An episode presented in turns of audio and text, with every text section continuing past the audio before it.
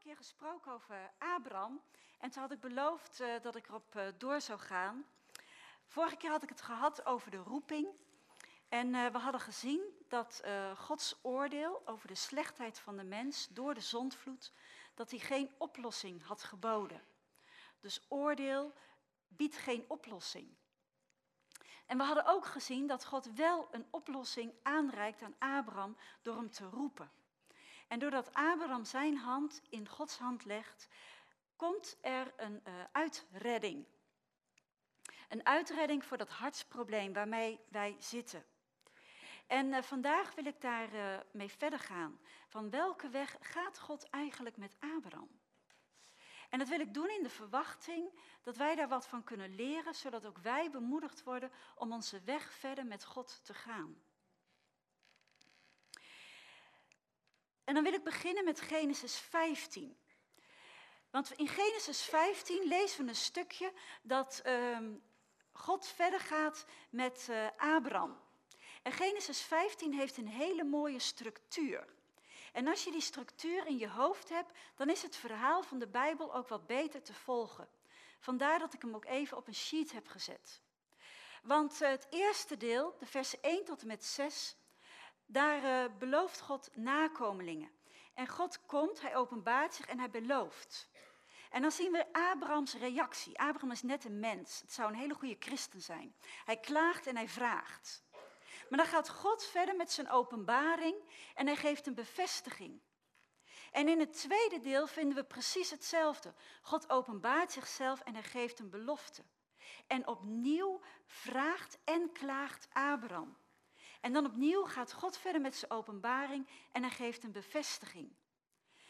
Laten we dit uh, schema in ons achterhoofd houden als we Genesis 15 gaan lezen. Hierna kwam het woord des Heren tot Abraham in een gezicht. Vrees niet, Abraham, ik ben uw schild. Uw loon zal zeer groot zijn. En Abraham zeide, Heere, Heere, wat zult gij mij geven, daar ik kinderloos heen ga? En de bezitter van mijn huis, dat zal deze Damaskener Eliezer zijn. En Abraham zeide, zie, mij hebt gij geen nakroost gegeven. En nu moet een onderhoorige mijn erfgenaam zijn? En zie, het woord des Heeren kwam tot hem.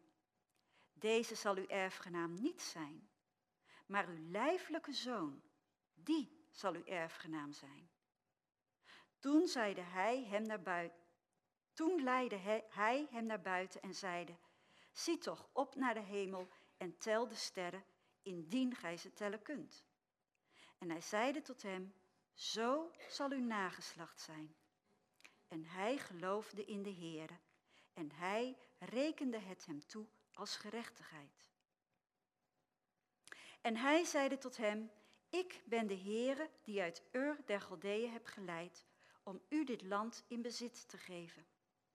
En hij zeide, Heere, Heere, waaraan zal ik weten dat ik het bezitten zal? En hij zeide tot hem, haal mij een driejarige jonge koe, een driejarige geit, een driejarige ram, een tortelduif en een jonge duif. En hij haalde die alle voor hem, deelde ze door midden en legde de stukken tegenover elkander maar het gevogelte deelde hij niet. En toen de roofvogels op de dode dieren neerstreken, joeg Abraham ze weg. Toen de zon op het punt stond onder te gaan, viel een diepe slaap op Abraham. En zie, hem overviel een angstwekkende, dikke duisternis. En hij zeide tot Abraham, weet voor zeker dat uw nakomelingen vreemdelingen, vreemdelingen zullen zijn in een land dat het hunne niet is en dat zij hen dienen zullen en dat die hen zullen verdrukken. 400 jaar. Doch ook het volk dat zij zullen dienen, zal ik richten. En daarna zullen zij met grote haven uittrekken. Maar gij zult in vrede tot uw vaderen gaan. Gij zult in hoge ouderdom begraven worden. Het vierde geslacht echter zal hierheen wederkeren, want eerder is de maat van de ongerechtigheid de Amorieten niet vol. Toen de zon was ondergegaan en er dikke duisternis was, zie, een rokende oven met een vurige fakkel welke tussen die stukken doorging. En ten dien dagen sloot de Heere een verbond met Abraham, zeggende, aan uw nageslacht zal ik dit land geven, van de rivier van Egypte tot de grote rivier, de rivier de Eufraat. De Keniet, de Kenisiet, de Katmoniet, de Hetiet, de Perisiet, de Raveïte, de Amoriet, de Canaaniet, de Gergasiet en de Jebusiet. Tot zover. Genesis 15, vers 1 begint met Hierna kwam het woord des Heren tot Abraham in een gezicht. Hierna. Wat is er dan vooraf gegaan? Het verwijst naar uh, Genesis 14, waarin we het verhaal lezen over uh, de oorlog die de koningen van het oosten voeren met uh, Keor Dolamor. In Genesis 13 zijn Abraham en Lot uit elkaar gegaan. Hun beide veestapel was zo groot dat het niet meer in het land paste. Ik moet even terug, Ruben.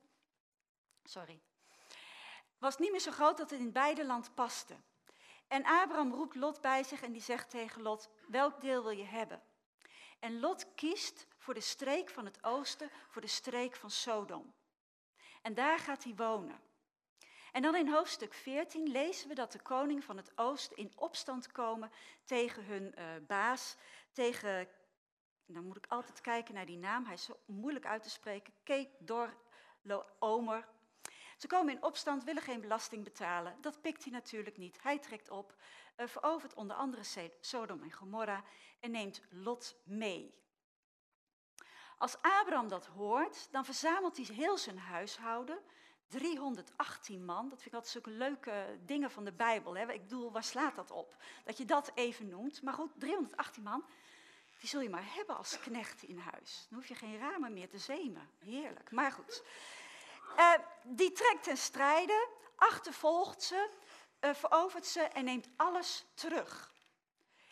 En nadat hij die strijd heeft uh, gedaan, ontmoet hij twee koningen. Hij ontmoet de koning van Sodom en hij ontmoet de koning van Salem. En dat lezen we in Genesis 14, de versen 17 tot en met 24. En beide koningen uh, vertegenwoordigen een type van het koningschap. Die koning van Sodom vertegenwoordigt het recht van de sterkste. Ik pak wat ik pakken kan. En als ik onderdrukt word, dan ga ik met geweld mijzelf bevrijden. En die koning van Salem, die erkent God als schepper en allerhoogste. Deze koning, Melchizedek, erkent dat God de Allerhoogste is en dat Hij beslist wat er gebeurt. God is koning en God bevrijdt. Dus zo zijn de twee typen koningen die uh, Abraham daar ontmoet. En dan doet Abraham drie dingen. Hij identificeert de Allerhoogste als Yahweh, lezen we in vers 22. En hij geeft Melchizedek een tiende van alles, in vers 20. En hij weigert iets aan te nemen van de koning van Sodom. Dat lezen we in vers 23. En daar had hij wel recht op. Abraham had alles terug veroverd. Dus het was niet meer dan logisch geweest dan dat Abraham een deel van die buit had mogen hebben. Ik bedoel, hij was erop achteruit gegaan, hij had risico gelopen, noem maar op, dat recht heb je gewoon. Maar hij weigert en hij zegt, ik hoef niets van jou. Want, zegt hij, straks kan de koning van Sodom nog zeggen, ik heb Abraham rijk gemaakt. En dat wil ik niet. Ik wil niet dat ik met jou geïdentificeerd word. Ik wil niet met de, het recht van de sterkste geïdentificeerd worden. Ik wil mijzelf identificeren met de koning van Salem, met Melchizedek. Ik wil net als die koning erkennen dat God mijn God is. Dat Hij koning is en dat Hij uh, mij de overwinning heeft gegeven. Dus hij int zijn loon niet. Want dan, zegt hij, dan kan, uh, ik wil God eren. En dat is dan ook precies wat God doet in Genesis 15, vers 1. Hierna kwam het woord des Heren tot Abraham in een gezicht. Vrees niet, Abraham, ik ben uw schild. Uw loon zal zeer groot zijn. Hij weigerde zijn loon van de wereld. En daardoor kon God hem belonen. En God geeft hem dan ook die bemoediging. Je hebt het geweigerd. Maar het loon wat ik je ga geven zal zeer groot zijn. En vrees niet. Ik ben een schild. En een schild verwijst ook naar die oorlogsvoering die hij net heeft gevoerd. Ik heb je de overwinning gegeven. En dan, dan klaagt Abraham. Hij is een beetje verbitterd. Ja, wel, God mag dan wel grote beloftes doen, maar ja, hij heeft nog niet eens één zoon. Hoezo dan een groot nageslacht? Ik bedoel, het moet toch ergens mee beginnen? Hij heeft een punt. En in die nacht geeft God dan een nieuwe openbaring. Abraham mag de sterren tellen, als hij dat al kan. En zo groot zal zijn nageslacht zijn. En dan lezen we in vers 6. En Abraham geloofde in de Heere en hij rekende het hem toe als gerechtigheid. In feite is dit de climax van dat eerste gedeelte van het verhaal. Er is nog niks gebeurd. En toch heeft die openbaring kennelijk Abrams klagen verstomd. Want God heeft gesproken en hij vertrouwt daarop. In Genesis 15, eh, vers 7 begint dan het tweede gedeelte. En opnieuw openbaart God zichzelf. En nu belooft hij Abraham land. En dan vraagt Abraham, hoe weet ik nou dat ik het bezitten zal? En dan antwoordt God door middel van een verbond, lezen we in vers 18. Te dien dagen sloot de Heer een verbond. Het Hebreeuwse woord voor verbond is berit. En berit wordt uh, voor meerdere zaken gebruikt in de Bijbel. Dus dus niet alleen typisch iets wat gebruikt wordt voor een verbond tussen God en de mens. Het wordt ook gebruikt voor een internationaal verdrag. Uh, denk bijvoorbeeld aan het verdrag wat de Gibeonieten sluiten met de Israëlieten. Het wordt ook gebruikt om een bondgenootschap aan te duiden. Uh, bijvoorbeeld het bondsgenootschap wat uh, Hiram, de koning van Libanon, sluit met Salomo, zodat hij het hout gaat leveren voor de bouw van de tempel. Het wordt ook gebruikt voor een overeenkomst tussen personen. Als Jacob stiekem weggaat van Laban, gaat Laban hem achterna en dan sluiten ze een verbond, een uh, overeenkomst dus tussen personen. Het is ook een loyaliteitsovereenkomst.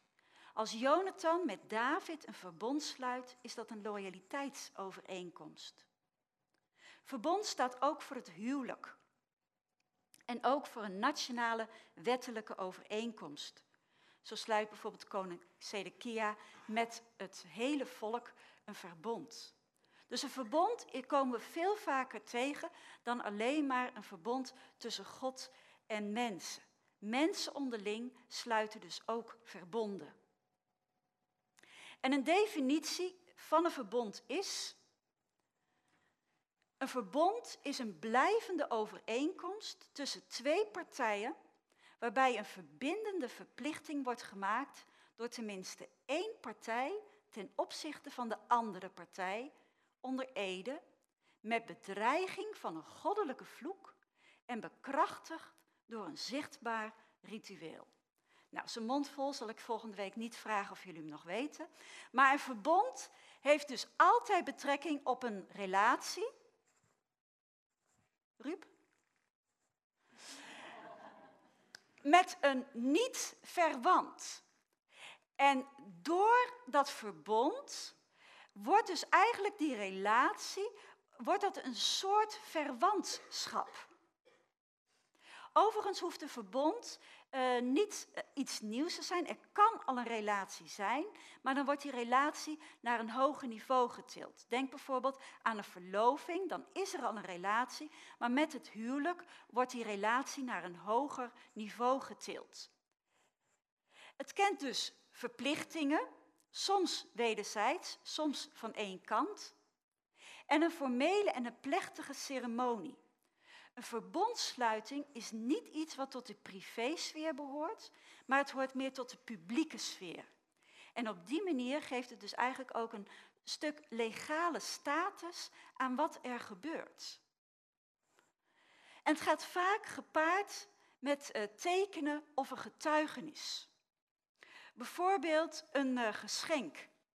Uh, als Abraham een verbond sluit met Abimelech, geven ze elkaar geschenken. Of het eten van een maaltijd. Dat komen we weer tegen. Als Jacob en Laban een verbond sluiten, dan eten ze een maaltijd. Maar ze richten op dat moment ook een gedenksteen op. Soms gaat het ook gepaard met het sprenkelen van bloed. Dit komen we tegen bij de verbondsluiting bij de Sinaï. En soms gaat het gepaard met het doormiddensnijden van dieren.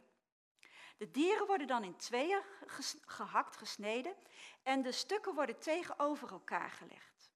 En beide partijen lopen dan tussen de dieren door. En op het moment dat ze dat doen, zeggen ze: Als ik me niet aan dit verbond hou, mag jij met mij doen wat we met de dieren hebben gedaan. Je mag me dus door midden hakken. Dat is de zelfvervloeking. In feite zeg jij dus, als, als ik er doorheen ben gegaan, en maar ik hou me niet aan mijn verbond, jij mag mij doden. Een verbond sluiten kan dus dodelijk zijn. Overigens, in het Oude Testament, in het oude nabije Oosten, eh, denk aan het huidige uh, Egypte, Irak, Jordanië, uh, Syrië, had men ook verbonden. Dus het is niet iets typisch oud-testamentisch. Een groot verschil is dat het verbond wat God met het volk sluit, daar zijn geen vergelijkbare voorbeelden van. Geen enkele andere god van de toenmalige goden, die ze erkenden als goden, heeft ooit een verbond met de mens gesloten. Maar onderling sloten ze dus wel verbonden. Maar goed, dat terzijde. Tegenwoordig kennen wij eigenlijk niet meer een verbond. Wij, wij zeggen nog wel, tenminste als mensen trouwen, dat het is een verbond. Maar wij zitten veel meer in het contractdenken. En een contract en een verbond zijn echt hele wezenlijke verschillen. Ik sluit een contract omdat ik voordeel verwacht. Ik ga bijvoorbeeld uh, ik ga met mijn werkgever een contract aan en hij verwacht voordeel, namelijk dat ik ga werken, en ik verwacht voordeel, namelijk uh, financiële beloning. Bij een verbond verlang je naar een relatie. Een hele andere insteek. Het initiatief is bij een contract gezamenlijk. Oké, iemand zet wel een advertentie, maar ik reageer. Bij een verbond gaat het uit van de sterkere partij. De oriëntatie, bij een contract ga je onderhandelen. Nee, van vijf tot, eh, oh nee, van acht tot vier. Nee, van acht tot vijf. Beetje, beetje kijken of je nog loonsverhoging kunt krijgen. Maar daar is het een gift. Ik geef jou, dit mag jij hebben. En het is persoonsgericht. De verplichting is een prestatie ten aanzien van loyaliteit. Ik hoef niet te presteren, maar ik krijg, ik ontvang. Een contract is voor een bepaalde tijd en een verbond is voor een onbepaalde tijd. En beide kunnen verbroken worden. En dit is goed om het verschil te zien. Want heel vaak hebben wij, als spreken we bijvoorbeeld van een huwelijksverbond of van een verbond wat God heeft gesloten met de mens, denk aan het nieuwe verbond, hebben wij toch onbewust ergens die contractvoorwaarden in ons hoofd. Want daar zijn wij mee bekend. Dat is eigenlijk hoe wij gewend zijn met mensen om te gaan. Maar een verbond spreekt dus heel anders. En het grootste verschil tussen een contract en een verbond is de loyaliteit. Dat maakt het wezenlijke verschil. En dat loyaliteitsaspect, dat wordt uitgedrukt in de Hebreeuwse woorden gezet en emet. Gezet wordt in Nederlandse Bijbelvertalingen onder andere vertaald met goede tierenheid, barmhartigheid, vriendelijkheid, langmoedigheid, liefde, genade, gunst.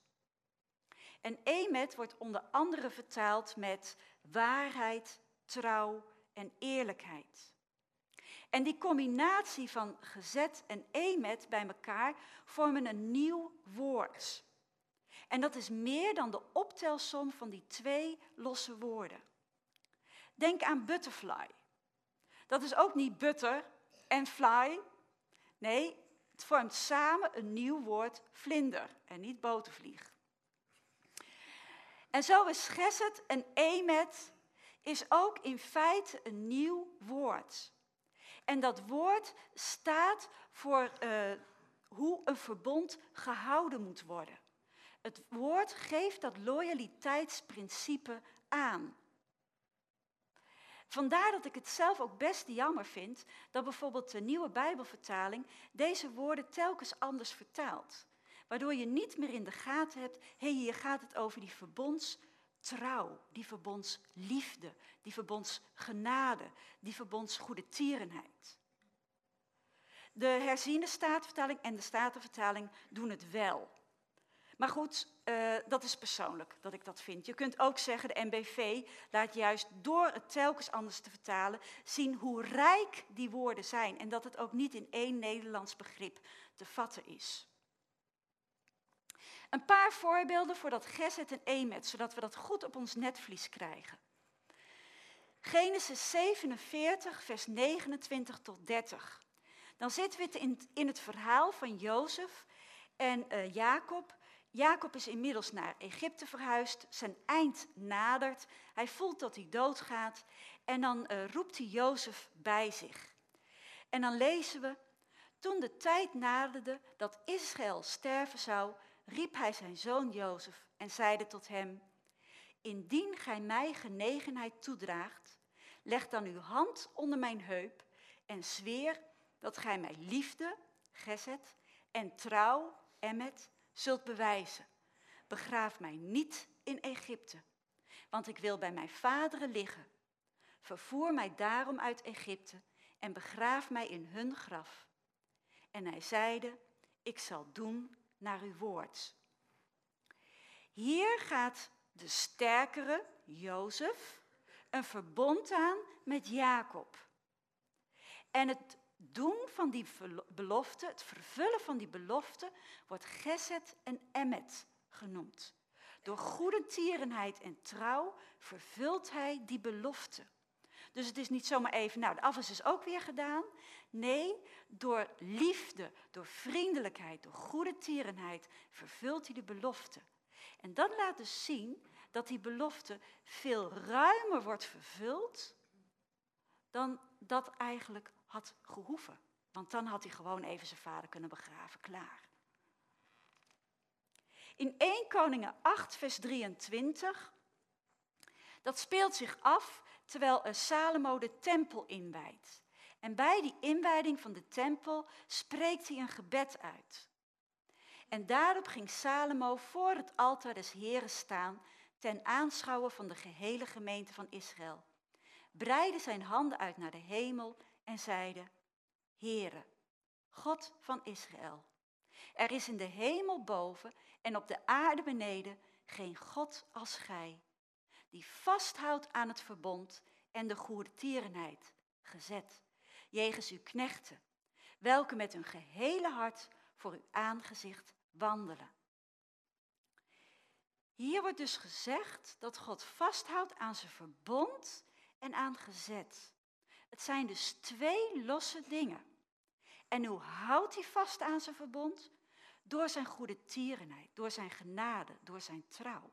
Zo houdt hij vast aan zijn verbond. Het is dus opnieuw niet dat prestatiegericht, niet als jij doet wat ik zeg. Nee, het is zijn goede tierenheid. En daardoor vervult hij dat verbond. In Exodus 34, vers 6 en 7 lezen we het stukje, uh, dat staat in het stukje dat Mozes God ontmoet. Mozes wil heel graag God zien. Hij is heel erg ontmoedigd en heeft zoiets, nou ik kan wel een opkikkertje gebruiken, mag ik u dan zien? En dan zegt God, dat gaat niet, want als je mij ziet, dan ga je dood. Maar je mag mij van achteren bekijken. En dan ziet uh, Mozes uh, God.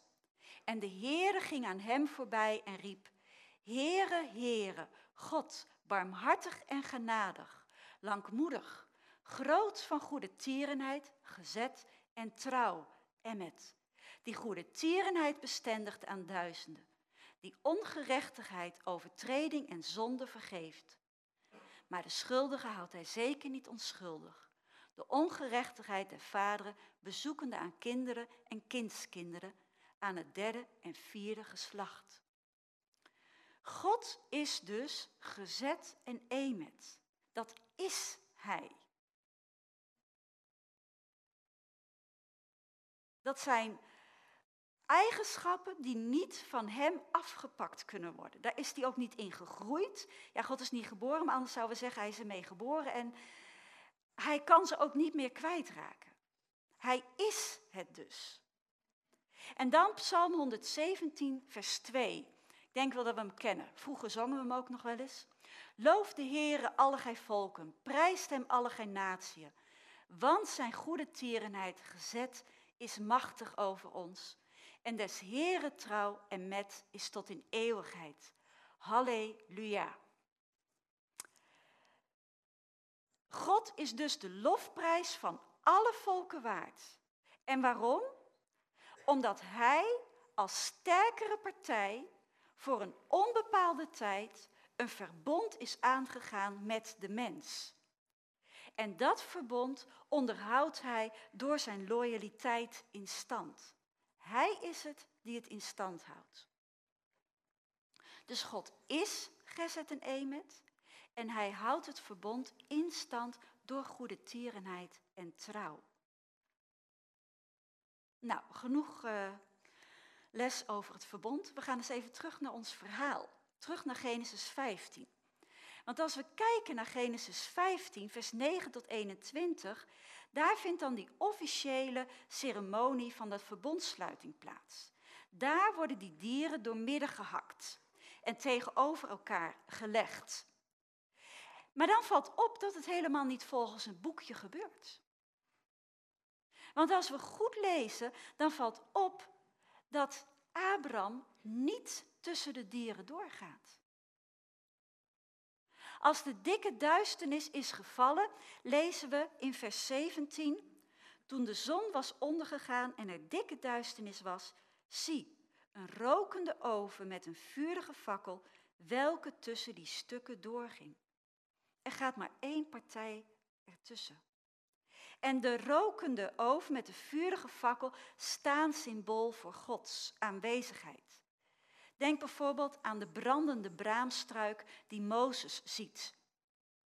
Denk bijvoorbeeld aan de wolk en de vuurkolom die het volk begeleidt als ze door de woestijn naar het beloofde land gaan. En denk bijvoorbeeld aan de wolk en het vuur dat de Sinaï bedekt als de Heer neerdaalt op de Sinaï om opnieuw een verbond met het volk te sluiten. Dus wie gaat hier tussen de dieren door? Dat is God. En Hij alleen. En zo neemt Hij de zelfvervloeking van beide partijen op zich. En Hij zegt dus in feite, als ik me niet hou aan het verbond, mag jij me in stukken hakken. Maar als jullie, jij Abraham, je niet houdt aan het verbond, mag je mij ook in stukken hakken. Dus wie zich er niet aan houdt, ik word in stukken gehakt. Dus hij neemt eenzijdig dat verbond op zich. Hij zal de prijs betalen. Voor ons is dat heel vanzelfsprekend als nieuwtestamentische christenen. Maar voor Abraham was dat niet. Even terug, Abraham wist niet verder. Hij kende niet het verhaal daarna. Hij wist van een schepping. En dat God de mens als uh, zoon, als priester, koning in het paradijs had gezet. En hij kende het verhaal dat het verkeerd was gegaan. En dat het zo verkeerd was gegaan dat God met Noach opnieuw was begonnen. En hij wist Dat is ook weer verkeerd gegaan. En nou zegt God, als het nu weer verkeerd gaat, mag je mij doden. En Abraham kent zichzelf en die denkt, ja heer, het gaat mis. Kan ik u nu al op een briefje geven. Dus u moet dood. Maar hoe kan dat nou? Hoe kan nou een God, ver weg, hoe kun je die nou doden? Dus eigenlijk plaatst dit hele stuk Abraham voor een raadsel. Hoe kan een God nou gedood worden? Dan zal die God eerst bereikbaar moeten worden. Ik bedoel, ver weg, dan zou die mens moeten worden. Toch? Dan pas kun je hem doden. Maar ja, welke God gaat nou mens worden? Ik bedoel, ja, als je die positie hebt bereikt, wie legt dat dan af? En welke God doet dat dan ook nog met de zekerheid dat hij dan gedood gaat worden? Want dat heeft hij gezegd. Hij heeft gezegd, als je het overtreedt, dan mag je doen met mij zoals we met de dieren hebben gedaan. Nou, en ja, God was alwetend, maar al was hij gewoon mens, dan had hij ook geweten, ik word gedood. Wie doet dat nou? Wie legt nou zijn leven af, zijn goddelijke positie, om mens te worden met de wetenschap, ik word gedood?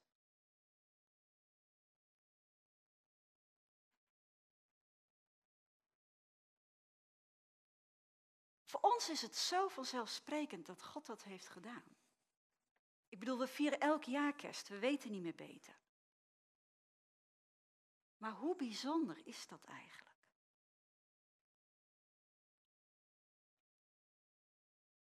En ik hoop dat het altijd bijzonder voor mij zal zijn.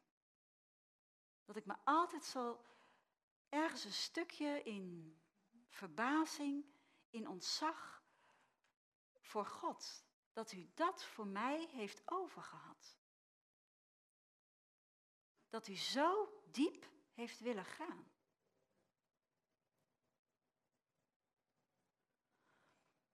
En naast dat genieten van wat God dan voor mij heeft gedaan, en naast hem daarvoor danken, mag het ons ook tot een voorbeeld zijn. En dat brengt me bij Filippenzen. Filippenzen 2, vers 5 tot 11. Laat die gezindheid bij u zijn, welke ook in Christus Jezus was, die in de gestalte God zijnde het Gode gelijk zijn niet als een roof heeft geacht, maar zichzelf ontledigd heeft en de gestalte van een dienstknecht heeft aangenomen en aan de mensen gelijk geworden is. En in zijn uiterlijk als een mens bevonden, heeft hij zich vernederd en is gehoorzaam geworden tot de dood.